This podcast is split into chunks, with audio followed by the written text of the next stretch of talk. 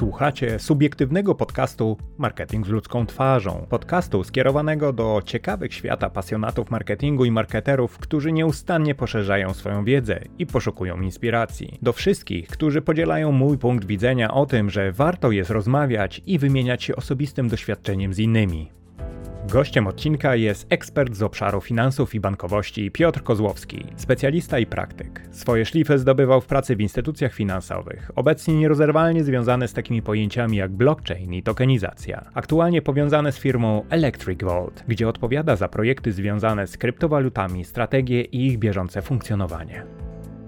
Podcaście usłyszycie m.in. o tym, jak kryzys wpływa na rynek kryptowalut, gdzie uciekają inwestorzy, kiedy oczekiwać stabilizacji rynku, dlaczego kryptowaluty nie znikną już z naszego horyzontu finansów, a także o wielu innych ciekawych aspektach rynku finansowego.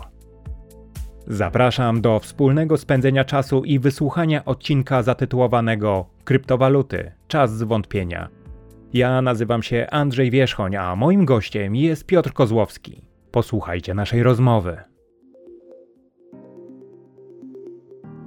Piotrze, mieliśmy bardzo długą przerwę. Dziękuję Ci, że znalazłeś czas. W ogóle jeszcze raz się przepraszam, bo mieliśmy kilka podejść do tego tematu, a jakoś nam nie było po drodze i to z mojej winy. Mały synek jednak wziął górę nad tematem podcastowym, w związku z czym e, było, minęło, dziecko rośnie, a my wracamy do tematu zasadniczego. Mamy sytuację na rynku przedziwną, przestraszną, a, a tak przynajmniej większość odbiera.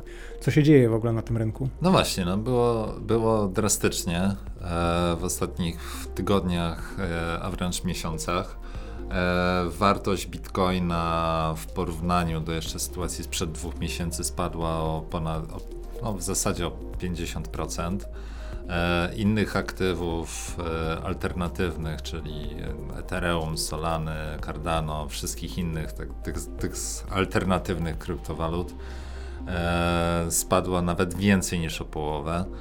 Więc sytuacja się robiła nieciekawa, w szczególności, że te spadki są dynamiczne. No ale też z drugiej strony wynika to właśnie z tego względu, że że są to aktywa, które e, mają i duże wzrosty, i dużo nagradzały do tej pory e, każdego posiadacza, który tam w nie inwestował, na przykład na jesieni jeszcze zeszłego roku. No i tak samo e, nie chcę powiedzieć, że one każą inwestorów, no bo to nie jest, rynek jest obiektywny, on nigdy nie ma swoich humorów ani, ani swojego widzimisię, tylko jest po prostu efektem popytu i podaży. No ale na pewno jest przez te osoby, które straciły na kryptowalutach w ostatnich miesiącach, postrzegane jako e, taki karzący. No karzące, no z jednej strony karzące, a z drugiej strony mamy dość dziwną sytuację. E, na rynku polskim mamy przedziwną sytuację, jeżeli chodzi o rezerwy. Mamy kwestię związaną z bankami i podnoszenie stóp. E, nieustanne. Kwestia związana z inwestycją długoterminową, to właściwie wszyscy myślą tylko o tym, żeby kupować nieruchomości, mieszkania, jakieś tam inne rzeczy, chociaż od dwóch dni wszyscy psioczą, bo mówią, że nawet 8% już spadło w związku z czym jest gdzieś kres tego wszystkiego, natomiast perspektywicznie podobno cały czas banki jednak się odgrażają, że przyszły rok na samym początku, pierwszy kwartał nie będzie również za wesoły. No i teraz jak to wszystko zebrać, te wszystkie plotki i jak gdyby kwestie związaną z domorosłymi analitykami i tym, co przecieka do, do mediów po to, żeby stymulować w jakiś cudowny sposób rynek i tak jak mówił jeden z naszych premierów, póki co nie wiem kto to będzie słuchał i kiedy, ale pewnym momencie premier powiedział: Nie kupujcie tego drogiego e, węgla. Co się okazało, węgla nie ma ani tego drogiego, ani tego taniego. nie ma żadnego węgla. W związku z czym teraz pytanie do ciebie: co w takim razie robisz w takiej sytuacji, jeżeli chodzi o rynek i co to w ogóle tak naprawdę się wydarzyło? No przede wszystkim e, to, co się, zacznijmy od tego, co się wydarzyło, tak? Czyli nastąpiło dość e, dynamiczne wyjście z rynku kryptowalut, przede wszystkim takich osób, które gdzieś tam sobie eksperymentowały z kryptowalutami, tak? To jest określane, w, powiedzmy, może nie w branży, ale, ale można to określić jako takie wyjście ulicy, takich turystów bitcoinowych, tak? którzy usłyszeli o tym w zeszłym roku na fali różnej euforii, różnych wzrostów, postanowili zainwestować, sparzyli się e, teraz i zamknęli po prostu pozycję, czyli wycofali się z rynku kryptowalut z jakąś tam stratą. E, ocenia się, że e, przede wszystkim to, to, wycofanie się z rynku polega na tym, żeby przekierować albo oszczędności czy inwestycje na inne, bardziej bezpieczne e, papiery wartościowe, które będą przynosiły duży zwrot e, w kontekście wysokich stóp procentowych i w kontekście recesji. E, to de facto oznacza, że zarówno rynki akcji, czy to małych, czy średnich, czy dużych przedsiębiorstw, jak i rynki walutowe, czy po prostu produktów e, rynku pieniężnego będą e, likwidowane na rzecz e, produktów obligacyjnych, czyli takich, których państwo będzie musiało więcej pożyczyć z rynku, żeby móc sfinansować więcej rzeczy na, z tytułu wyższych cen chociażby, czy to zakupu węgla, o którym mówiłaś. Druga rzecz to jest właśnie przeniesienie tych pieniędzy do e, depozytów bankowych i do tego, co jest bezpieczne, gwarantowane. To, że mm, to też jest przecież funkcja e, podniesienia stop procentowych, czyli podniesienia oprocentowania depozytu. Tak? E, banki, bank centralny regulując tą stopę procentową dyskontową, będzie, e, że dyskontowe to jest to obligacja akurat, ale e, regulując tą bazowe dotyczące właśnie stopy procentowe dotyczące depozytów, zbiera, ściąga kasę z, z rynku, tak? Zamraża tę ją niejako, dlatego że jest jej za dużo, rośnie przez to inflacja na rynku, przez to, że ten pieniądz jest obracany, czyli jego jest nadmiarowy, no to ceny rosną, inflacja jest ros tak jak, nie wiem, no, z podażą jakichś zasobów, tak? No i działaniem banku centralnego właśnie w tym konkretnym przypadku jest podniesienie stopy procentowej po to, żeby te pieniądze zniknęły z rynku. No i tak samo się wciąga również jednym ruchem, e, przynajmniej część, oczywiście tam wszystko zależy od własnej indywidualnej ekspozycji na ryzyko, tego czy jak bardzo jesteś skłonny e, wycofać się z tych kryptowalut, e, jakie podejmujesz indywidualne decyzje, to oczywiście jest wszystko dyskusyjne, tak? No jakiś czas temu rozmawialiśmy o tym, że kryptowaluty w ogóle są bardzo ciekawym narzędziem, jeżeli chodzi o nie zabawę, tylko inwestycje. E, z jednej strony. No ale rozmawialiśmy o tym w takim post-covidowym e, otoczeniu, kiedy te jakby kryptowaluty stały się takim dość modnym tematem. I absolutnie nie neguję tego, że powiedzmy sobie coś się z nimi wydarzyło negatywnego, bo to jest po prostu pewna, pewnego rodzaju sytuacja na rynku. No ale rozmawialiśmy o tym, że ludzie mając czas, szukają ciekawych rozwiązań, e, uczą się coraz więcej, no i zaczynają jak gdyby dobierać tego rodzaju narzędzia, które powiedzmy sobie wcześniej były dla nich niedostępne ze względu na barierę wejścia, między innymi wiedzę. No ale jak gdyby mieliśmy tę sytuację, że ta bariera wejścia już w pewnym momencie się obniżyła, czyli jak gdyby ci turyści, o których ty mówisz, już pochłonęli pewnego rodzaju wiedzę, przeszli barierę technologiczną, czyli potrafili już posługiwać się walletami i to znaczy, że oni wycofują się w tym momencie z tego rynku, porzucając jak gdyby te rozwiązania, do, które przed chwilą były tak obiecujące i przechodzą do bardzo wysokiej stabilizacji, na, czyli biorą na przeczekanie, czy to jest jakaś... No, w naturze naszego świata i naturze ludzkiej jest pisana zmiana, tak odpowiem, metafizycznie wręcz, e, więc ta zmiana na pewno nastąpi. E, I ona będzie uzależniona od wielu czynników. E, na tą chwilę te, które mm, się pojawiają w różnych dyskusjach, no to są przede wszystkim e, COVID, e, wojna w Ukrainie i to w zasadzie powinienem zamienić miejscami, no bo polityka Rosji generalnie w kontekście Ukrainy, rządzenie właśnie tym lewarem, e, czy tam kołowrotkiem gazowo-ropno-złoto-diamentowym jest e, w gestii, w gestii Rosji. Oni tym, to, to jest jak narzędzie, jako, używane jako narzędzie polityki obecnie. Jest łatwo sterowalne, tak? a ma wpływ, tak jak chociażby widać w przypadku Europy i tej dyskusji, która się toczy wokół nadchodzącej zimy, bardzo istotna dla naszego regionu na pewno. No bo ewidentnie widać, że coś dziwnego dzieje się na rynku. Obserwując nawet zeszłego tygodnia e, wiadomości, można było w bardzo prosty sposób, nie będąc wielkim analitykiem, patrz na przykład na mnie, e, nie czuję się przynajmniej za takie, nie, nie odbieram się za, takie, za takiego, e, wywnioskować bardzo prostą historię, że będzie bida, jeżeli chodzi o gaz, dlatego że jeżeli e, prezydent USA jeździ do Emiratów, I zaczyna ogarniać temat związany z bezpośrednimi wizytami i głaskaniem szejków, z drugiej strony prezydent Francji zaczyna e, śmigać dokładnie w tym samym kierunku zaraz po nim, to znaczy, że coś jest na rzeczy i zaczynają się dogadywać wnioskuję, że będzie problem gigantyczny, jeżeli chodzi o kwestie bezpieczeństwa Europy, jeżeli chodzi o bezpieczeństwo energetyczne, mimo tego, co nam mówiono wcześniej, bo wszędzie wszyscy zapewniali nas, że absolutnie nie ma problemu. Pomijam oczywiście polskich e, polityków, którzy mówią, żeby jeść mniej i generalnie cieplej się ubierać. No właśnie, to, to, to, to większość takich głaszcząco uspokajających kwestii jest wykorzystanych przez polityków i zazwyczaj należy z, prze, przede wszystkim zweryfikować, czy rzeczywiście jest tam powinienem być spokojny. Nie? E, to raz. Druga rzecz, że OPEC e, jako organizacja nigdy nie był jakiś taki prozachodni. Tak? On był oczywiście e, sterowany troszkę przede wszystkim interesem amerykańskim, no ale był sterowany głównie tą chęcią dochodową. Tak? Czyli sterowany był tym, że duża siła nabywcza amerykańska zawsze pozwalała na zaspokojenie ich potrzeb dochodowych.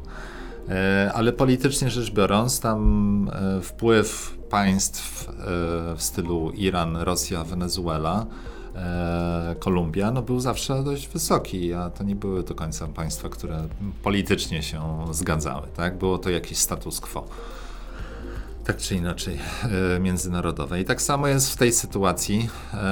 W sensie ten status quo się po pierwsze załamuje, po drugie, tak naprawdę z perspektywy globalnej ten konflikt e, ukraiński jest przez dużą rzeszę państw traktowany jako konflikt regionalny. Tak jest w przypadku, nie wiem, Indii chociażby. Chiny no to otwarcie wspierają e, działania Rosji. E, dla dużej części Afryki czy Ameryki Południowej te państwa są albo obojętne, albo przychylne Rosji częściowo, tak? No, czyli Więc... jesteśmy w niewesołej sytuacji związanej z tym, że to nie chodzi o kryzys wywołany powiedzmy sobie nietrafionymi inwestycjami któregoś z krajów, E, lub też jakim, jakąś powiedzmy sobie spekulacją, jeżeli chodzi o rynki walutowe, tylko zwyczajnie mamy problem związany z przekręceniem jak gdyby troszeczkę e, tego, co w tej chwili mieliśmy usystematyzowane. Mówimy o rynku, podziale, kto zarządzał jaką częścią świata, jeżeli chodzi powiedzmy sobie o ropę. E, kanały były ustabilizowane, pomimo tam drobnych wahnięć, jakichś tam gruźb, to nigdy nie było spełniane, a ewentualnie był to jakiś tam drobny szantaż i powiedzmy sobie zatrzęsły się tylko ściany, ale nie, nie było zakręcania kurka. Obecnie mamy sytuację taką, że e, Niemcy nam mówią o tym, że jednak mimo wszystko projekt związany z odejściem z energii atomowej to nie jest na teraz. E, troszeczkę jednak mimo wszystko ten temat się przedłuża e, i na pewno się przedłuży. Kwestia właśnie poruszona przeze, przeze mnie przed chwilą, czyli mówimy o Stanach Zjednoczonych, mówimy o Francji, również podobnie, gdyby ten temat jest pewien lęk wyczuwalny, może nie lęk wprost, ale jak gdyby pewne zaniepokojenie. Kwestie teraz wróćmy do tematów walutowych poza jak gdyby kwestią związaną z e, wartością pieniądza, mamy kwestię związaną z nadmiarem tego pieniądza. Jak to generalnie wpływa w tej chwili na potencjalne rynki? No właśnie, bo tam e, też wróćmy do tego pierwotnego pytania, tak? Mhm. Czyli tam jak, jak ta sytuacja będzie w ogóle miała wpływ na, e, na to, co się z kryptowalutami będzie działo. No bo zauważalny na pewno jest po pierwsze i odpływ pieniądza z giełd y, kryptowalutowych i przeniesienie samych aktywów do walletów, czyli y, działania posiadaczy kryptowalut y, nacelowane na to, żeby przeczekać okres spadku wartości i poczekanie do kolejnego cyklu wzrostu wartości bitcoina, przynajmniej takiego zakładanego. Mamy też okres zwątpienia w to, czy to w ogóle te ekosystemy stworzone wokół kryptowalut będą miały sens, czy to się da utrzymać i tak dalej. Tu są coraz bardzo często w ostatnim okresie były też podnoszone na przykład głosy, czy to od Warrena Buffetta, czy Billa Gatesa o tym, że to jest złoto głupców i tak dalej, i tak dalej.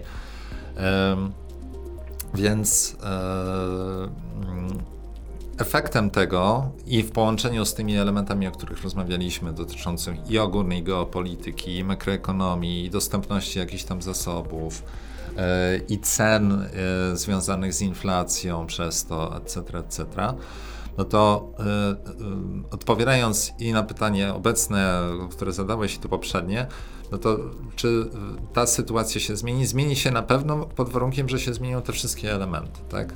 Czyli zmieni się, y, zmieni się sytuacja geopolityczna, ustabilizują się ceny surowców, znajdą, zostaną ustalone nowe szlaki i nowe źródła zasobów, które są potrzebne do funkcjonowania gospodarek, w szczególności zachodnich, i dalej, i tak dalej. Y, I tak samo y, będzie to miało wpływ na kryptowaluty, moim zdaniem, to znaczy popyt na nie i, i powrót do rozwoju tych ekosystemów yy, wróci w momencie, kiedy ustabilizowana sytuacja poszczególnych inwestorów.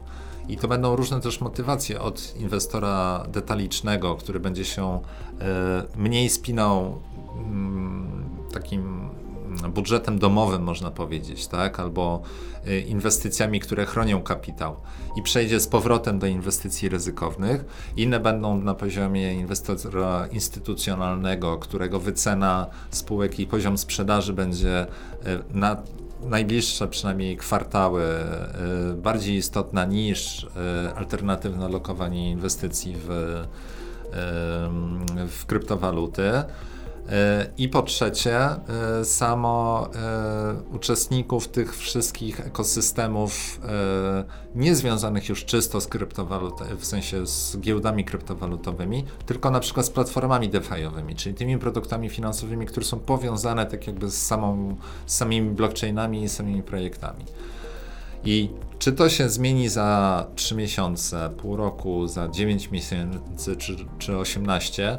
E, to mi osobiście ciężko powiedzieć, bo ja nie przewiduję, w sensie są takie głosy, że a poprzednia recesja to trwa od 12 do 8 do 15 miesięcy.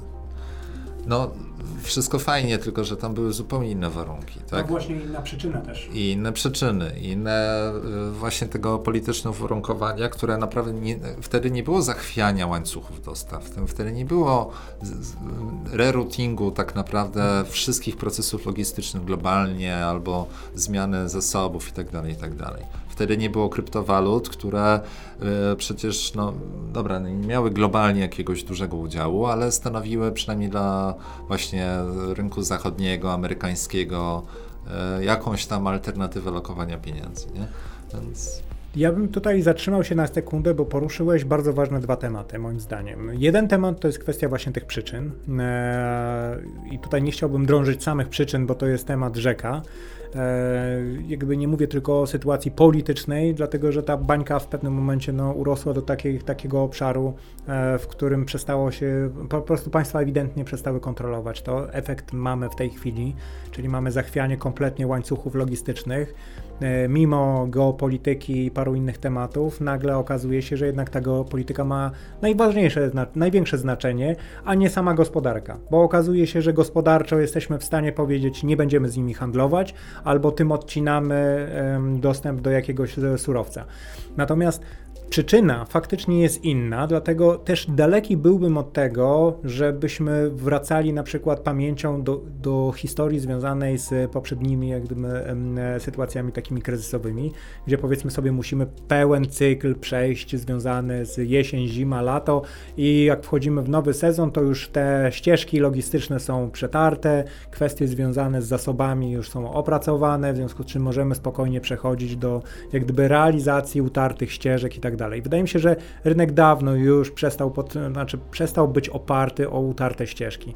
Stał się dużo bardziej dynamiczny. Natomiast dla mnie najważniejsze w tej chwili jest to, na czym bym się skupił i, i o to bym chciał Ciebie dopytać, to jest kwestia związana z tym zniechęceniem, albo może ze zwątpieniem tak naprawdę w coś, co dotychczas no, było przyjmowane niezwykle euforycznie niemalże, dlatego że całe kryptowaluty, i broń Boże, jak gdyby nie chcę być odebrany teraz jako osoba, która powie, a nie mówi Nieprawda, bo, bo sam z przyjemnością obserwowałem, jak to wszystko zaczyna żyć, jak zaczyna się e, rozwijać cały ekosystem samych kryptowalut i wokół nich, czyli kwestie nawet e, finansowania po prostu, znaczy źródeł finansowania e, projektów, które dotychczas nie miałyby żadnych szans. Natomiast ludzie dzięki kryptowalutom znaleźli ujście jak gdyby w swojej fantazji w kontekście wiary w projekty, które dotychczas jak gdyby kompletnie nie były nawet do zaakceptowania.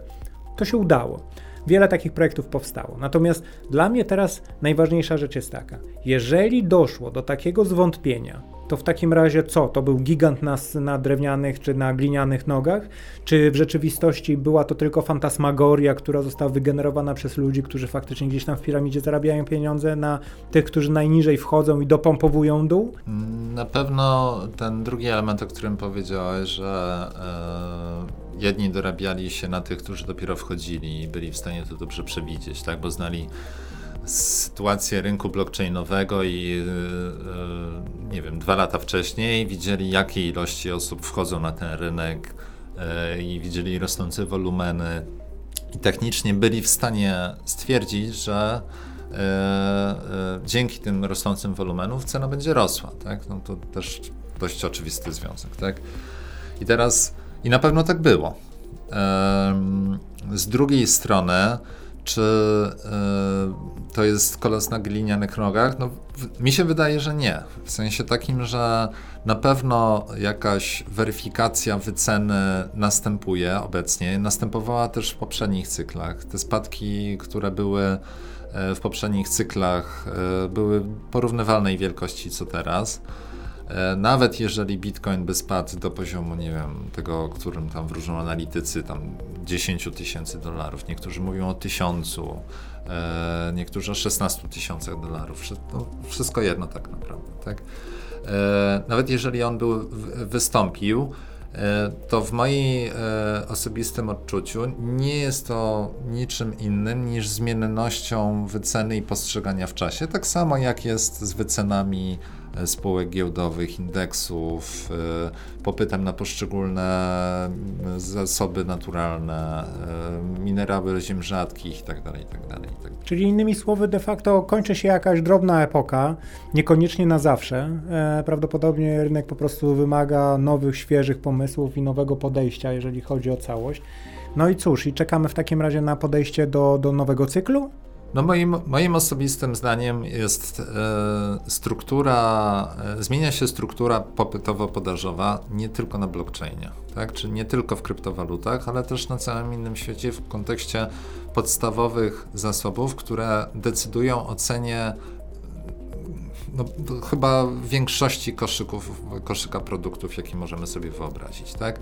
Gaz, węgiel, e, te wszystkie, czy tam właśnie minerały, ziem rzadkich, one decydują o szerokiej gamie e, produktów i kosztów ich dostarczenia, wytworzenia i dostarczenia, co powoduje, że brak ich albo ograniczenie w dostępności będzie decydowało o przemodelowaniu tego popytu i podaży, tak? Czyli w jaki sposób poszczególne produkty można dostarczyć, po jakich cenach, w jakich okresach, E, do tego dojdzie do tego COVID za chwilę jeszcze na jesieni, no i tak dalej, i tak dalej, tak?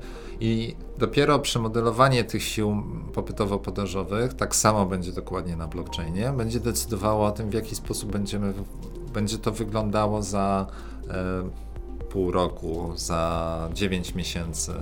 No ale ja jednak mimo wszystko jestem zwolennikiem upraszczania pewnego rodzaju historii pewnych mechanizmów. I teraz tak mówiąc takim dużo prostszym językiem niż twój specjalisty, no, to czy można powiedzieć w ten sposób, że rynek po prostu koryguje się o tak naprawdę pierwszej potrzeby produkty? Nie wiem, czy to jest korekcja. Wydaje mi się, że to jest właśnie fundamentalne przewartościowanie. I to, to jest moim zdaniem, to próbuję powiedzieć, że to jest, e, to jest ten element, który będzie w tej chwili decydował i niewiele jest osób, e, ja się na pewno do nich nie zaliczam, które są w stanie powiedzieć, jaki będzie wynik tego przemodelowania.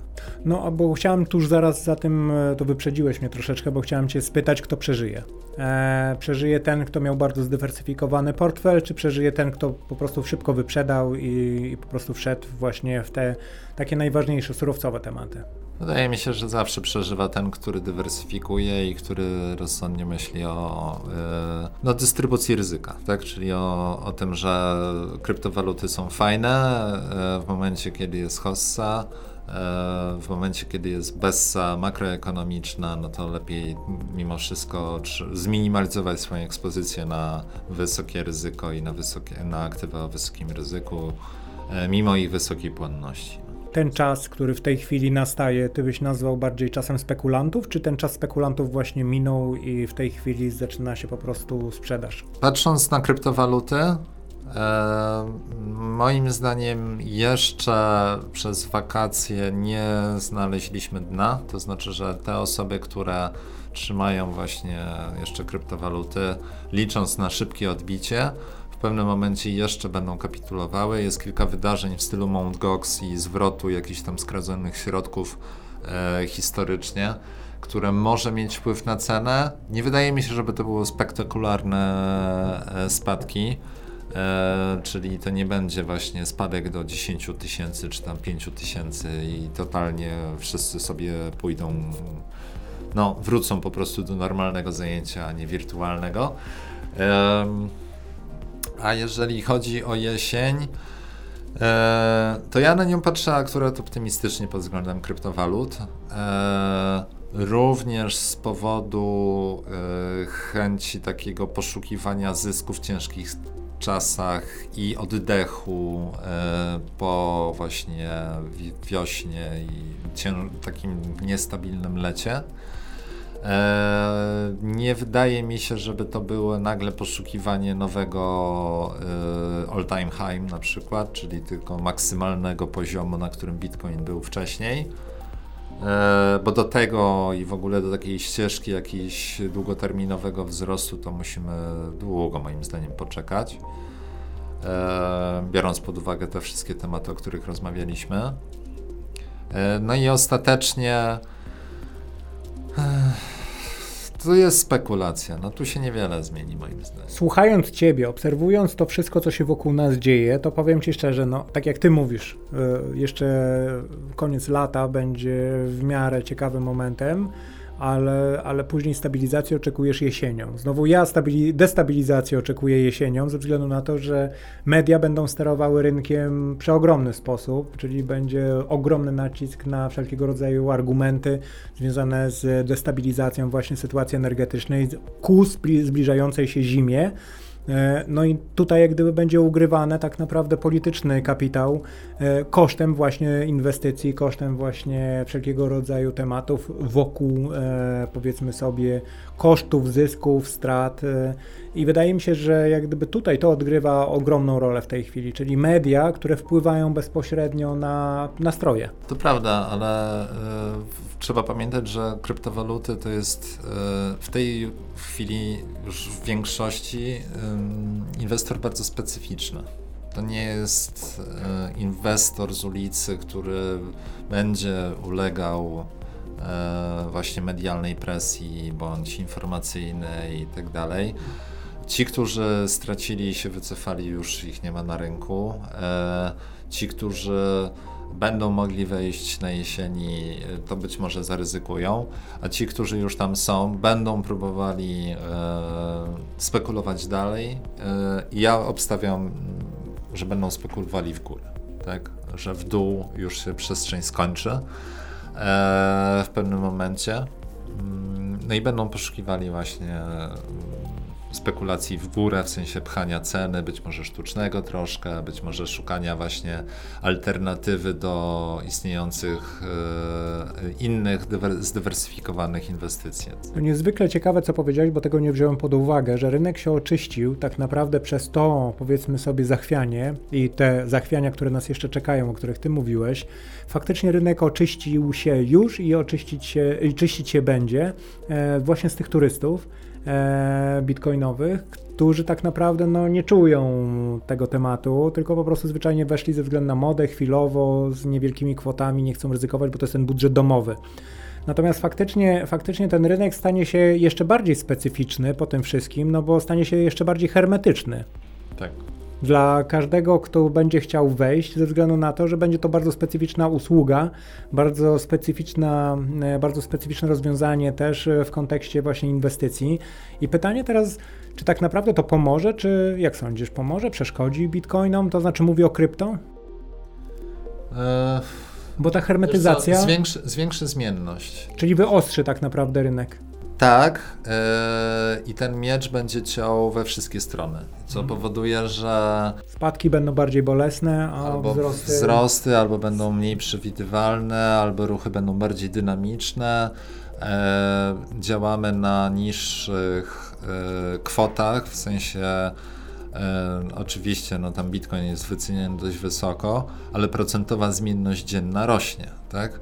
No bo teraz zmiana o 2000 dolarów ceny przy obecnej cenie powoduje zmianę o 10% już. A zmienność przy o 2000 dolarów ceny w, przy cenie 60 tysięcy, no adekwatnie tak. wychodzimy. Tak? Więc i to będzie, jeżeli e, ci sami spekulanci będzie, będą ostro inwestowali na rynkach terminowych bądź e, rynkach futures, czyli instrumentach pochodnych, no to będzie to powodowało większe ból i większe kwiczenie, no bo ta zmienność przy, jeszcze przy wysokim lewarze na przykład użytym, no to będzie powodowało jeszcze większe straty bądź jeszcze większe zyski.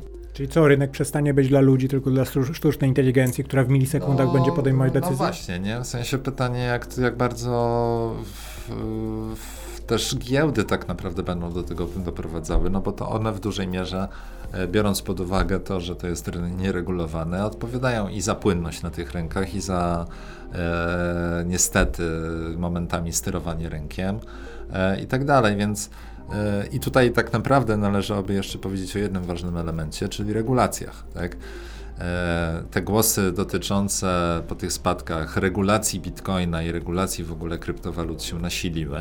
E, no bo z jednej strony to były osoby, które oczywiście straciły majątek i teraz mówią jejku, jejku, dlaczego to nie było kogoś, kto mi zagwarantuje albo strzeże, albo cokolwiek. E, no bo po szkodzie, no to przecież każdy będzie teraz płakał i wołał przede wszystkim do rządu o pomoc. Ale tak czy inaczej, rzeczywiście, tak patrząc, porównując do innych rynków e, kapitałowych chociażby, te regulacje by się przydały, tak? Czyli to, że że rzeczywiście byłaby mniejsza zmienność, żeby więcej kapitału korporacyjnego, e, instytucjonalnego wprowadzić na rynek, żeby, żeby to wygładzić, tak? żeby, żeby ten rynek stał się bardziej dojrzały, no to, to, to by było atrakcyjne. Ale z całym szacunkiem, hermetyczność, znaczy wzmocnienie hermetyczności rynku wcale nie wpłynie na temat związany z zainteresowaniem i chęcią ale, ale jego, ale wydaje mi się, że jego regulacja nie będzie hermetyczna. Nie będzie, w sensie dobrze, no, wszystko zależy od tego, jak to zrobią, tak? W sensie, jak to władze z, wprowadzą, tak? Jeżeli skomplikują to tak samo jak dostęp do a pewnie w niektórych jurysdykcjach tak się zdarzy. Tak samo jak dostęp do rynku kapitałowego, że żeby kupić e, akcję, to musisz wypełnić 150 formularzy, ocenić poziom swojego ryzyka zgodnie tam z MIFID-em, wypełnić, e, potwierdzić, że, nie, że jesteś skłonny do ryzyka albo że akceptujesz odstąpienie od jakiejś tam oceny ryzyka przeprowadzonej przez bank i tak dalej, i tak dalej, i tak dalej.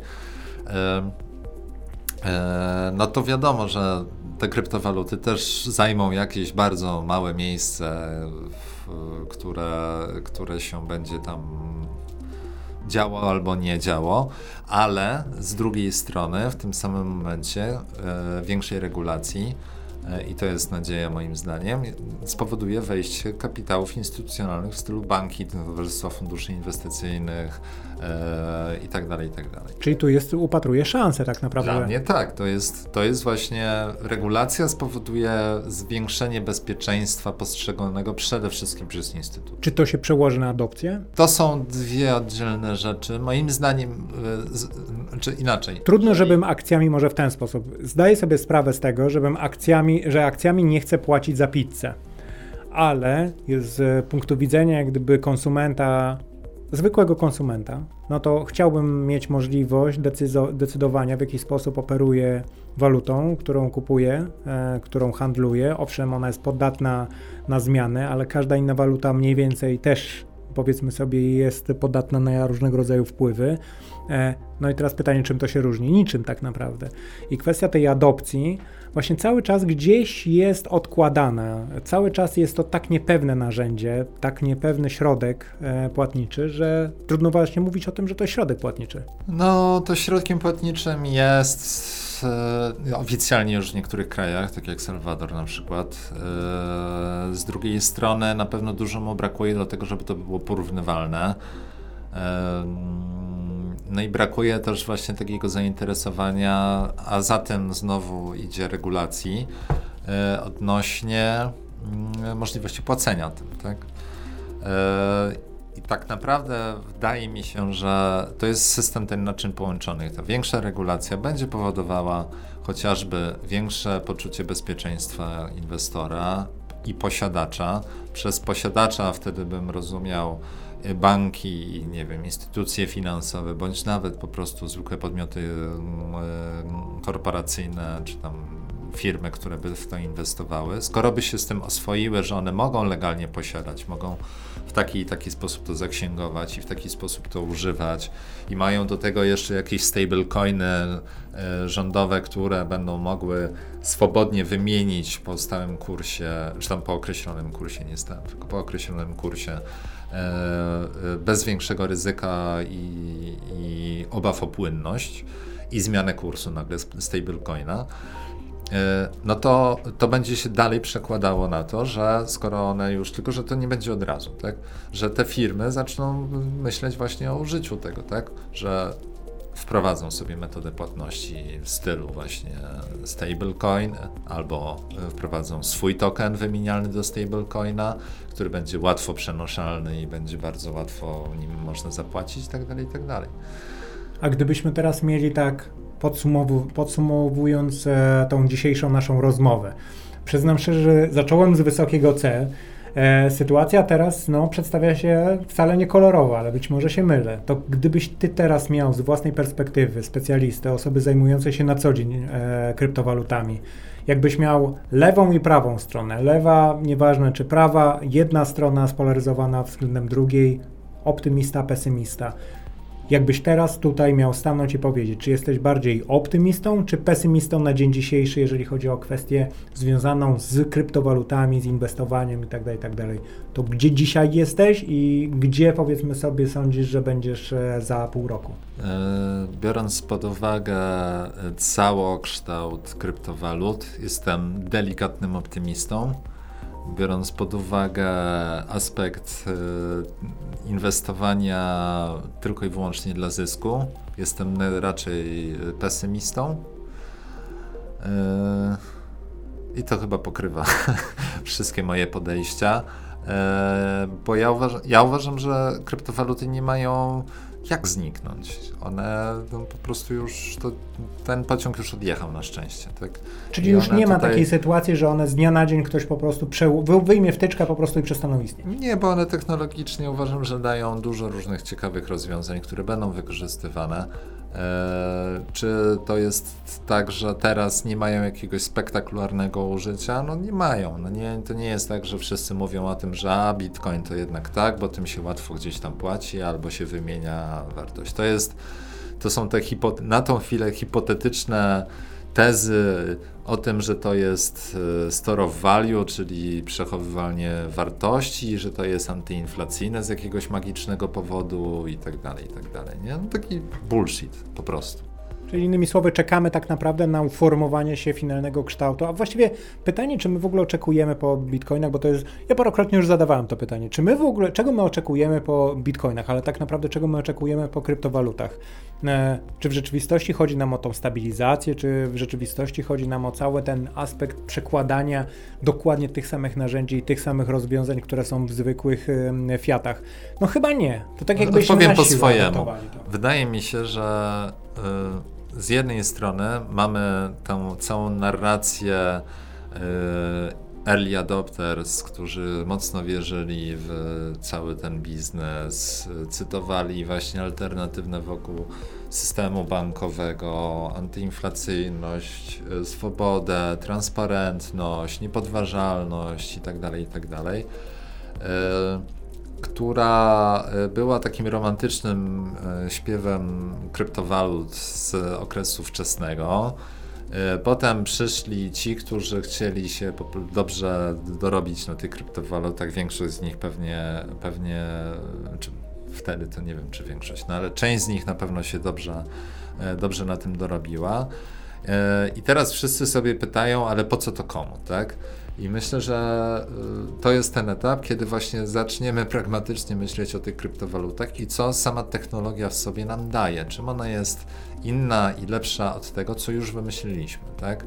Czy to jest nowe koło, to samo koło, ale z różowymi oponami, czy może jeszcze koło, które za chwilę sflaczeje i w zasadzie porzucimy sobie na bok, tak? I, i ci pragmatycy, e, których jest coraz więcej w krypto, którzy przechodzą po prostu z tradycyjnych sektorów, którzy tam właśnie żyli w tym, że, się, że mieli ramy funkcjonowania pod względem świata finansowego albo standardów technologicznych, którzy mogą użyć to doświadczenie i wiedzę, którą ludzkość sobie wypracowała i teraz sobie spojrzy na, te, na, na, na właśnie na kryptowaluty i powie, a to do tego, to do tamtego i tak dalej. Tak? Tylko, że to się musi jeszcze zadzieć. Czyli innymi słowy, po prostu zwyczajnie wzięliśmy sobie czas, żeby to wszystko poukładać, a tak naprawdę rynek po prostu zwyczajnie zweryfikuje to, czym są kryptowaluty jako takie, do czego można je zastosować, ale to dobrze, dlatego że tyle historii narosło już wokół tego, rynek był niezwykle rozpędzony i takie wyhamowanie troszeczkę i taka refleksja chyba pomoże tylko i wyłącznie włożenia w odpowiednie jak gdyby ramy tego, no, nie wiem, czy te ramy są w ogóle potrzebne, po prostu zwyczajnie, zwyczajnie przyjrzenia się lepiej temu narzędziu jako takiemu e, i zweryfikowania Czaba na pewno jest nam potrzebne wszędzie i Czaba na pewno będziemy musieli koniecznie dokonywać adopcji w kontekście tego, że zapłacimy sobie, nie wiem, za przedszkole, czy będziemy płacić za pizzę, czy cokolwiek innego. Bo wydaje mi się, że sporo z tych narzędzi, które były jak gdyby dość mocno promowane, były troszeczkę na zasadzie na siłę wciśnięcia tego właśnie w uf ramy De facto rynek tego kompletnie nie potrzebuje. Wydaje mi się, że w ogóle potrzebujemy kompletnie nowego podejścia, jeżeli chodzi o kwestię waloryzacji e, dóbr jako takich, z jednej strony, potrzeb z e, kolejnej strony i trzeciej e, tak naprawdę kierunku, w którym kierunku będziemy zmierzać. No bo za chwilę może się okazać, że być może, nie wiem, sztuczna inteligencja pokaże nam, bo teraz o tym bardzo głośno, skoro już poprosiła o prawnika, e, żeby usystematyzować swo, swoją, swoją osobę, to w tym momencie może zaproponuje nam rozwiązanie bezwalutowe, od czego tak naprawdę zaczęliśmy naszą znajomość bo, bo tak faktycznie w pewnym serialu jest, nie będziemy cytować, niech się domyślą ci, co znają ten serial, pewnie już wiedzą od razu. Także jeszcze raz Ci bardzo Piotrze dziękuję. E, jest mi bardzo miło, że mam okazję z Tobą porozmawiać na ten niezwykle ciekawy temat. Mam nadzieję, że nasi słuchacze Byte of Bitcoina posłuchali i, i, i tak naprawdę wynieśli coś dla siebie. Także jeszcze raz bardzo Ci dziękuję za poświęcony czas i te bardzo ciekawe refleksje. Ja również dziękuję. Mam nadzieję, że byliśmy inspiracją przynajmniej, jeżeli nie. Może nawet jeżeli jeżeli nie inspiracją, to chwilą zastanowienia. To zapraszamy do subskrypcji. Wszelkiego rodzaju pytania bardzo proszę kierować bezpośrednio. Wszelkie informacje znajdziecie w opisach podcastu. Zapraszamy do słuchania kolejnych odcinków.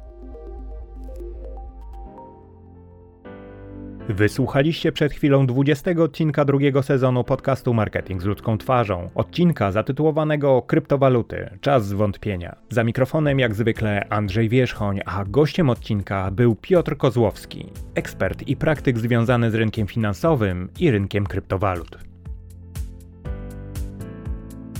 Dialog jest dla mnie bardzo ważny, dlatego zachęcam Was do bezpośredniego kontaktu ze mną. Jeśli macie jakiekolwiek pytania, uwagi, komentarze, możecie mnie znaleźć na LinkedInie. Wystarczy, że u góry strony wyszukiwarkę wpiszecie Andrzej Wierzchoń. Możecie również napisać bezpośrednio do mnie maila, na przykład pod adres andrzej.wierzchon.gmail.com. Podcast ma również oficjalny profil na Instagramie i Facebooku. Na Instagramie znajdziecie go wpisując marketing podcast a na Facebooku pod hasłem Marketing z ludzką twarzą. Szczegóły i linki jak zawsze umieszczam w opisie tego podcastu.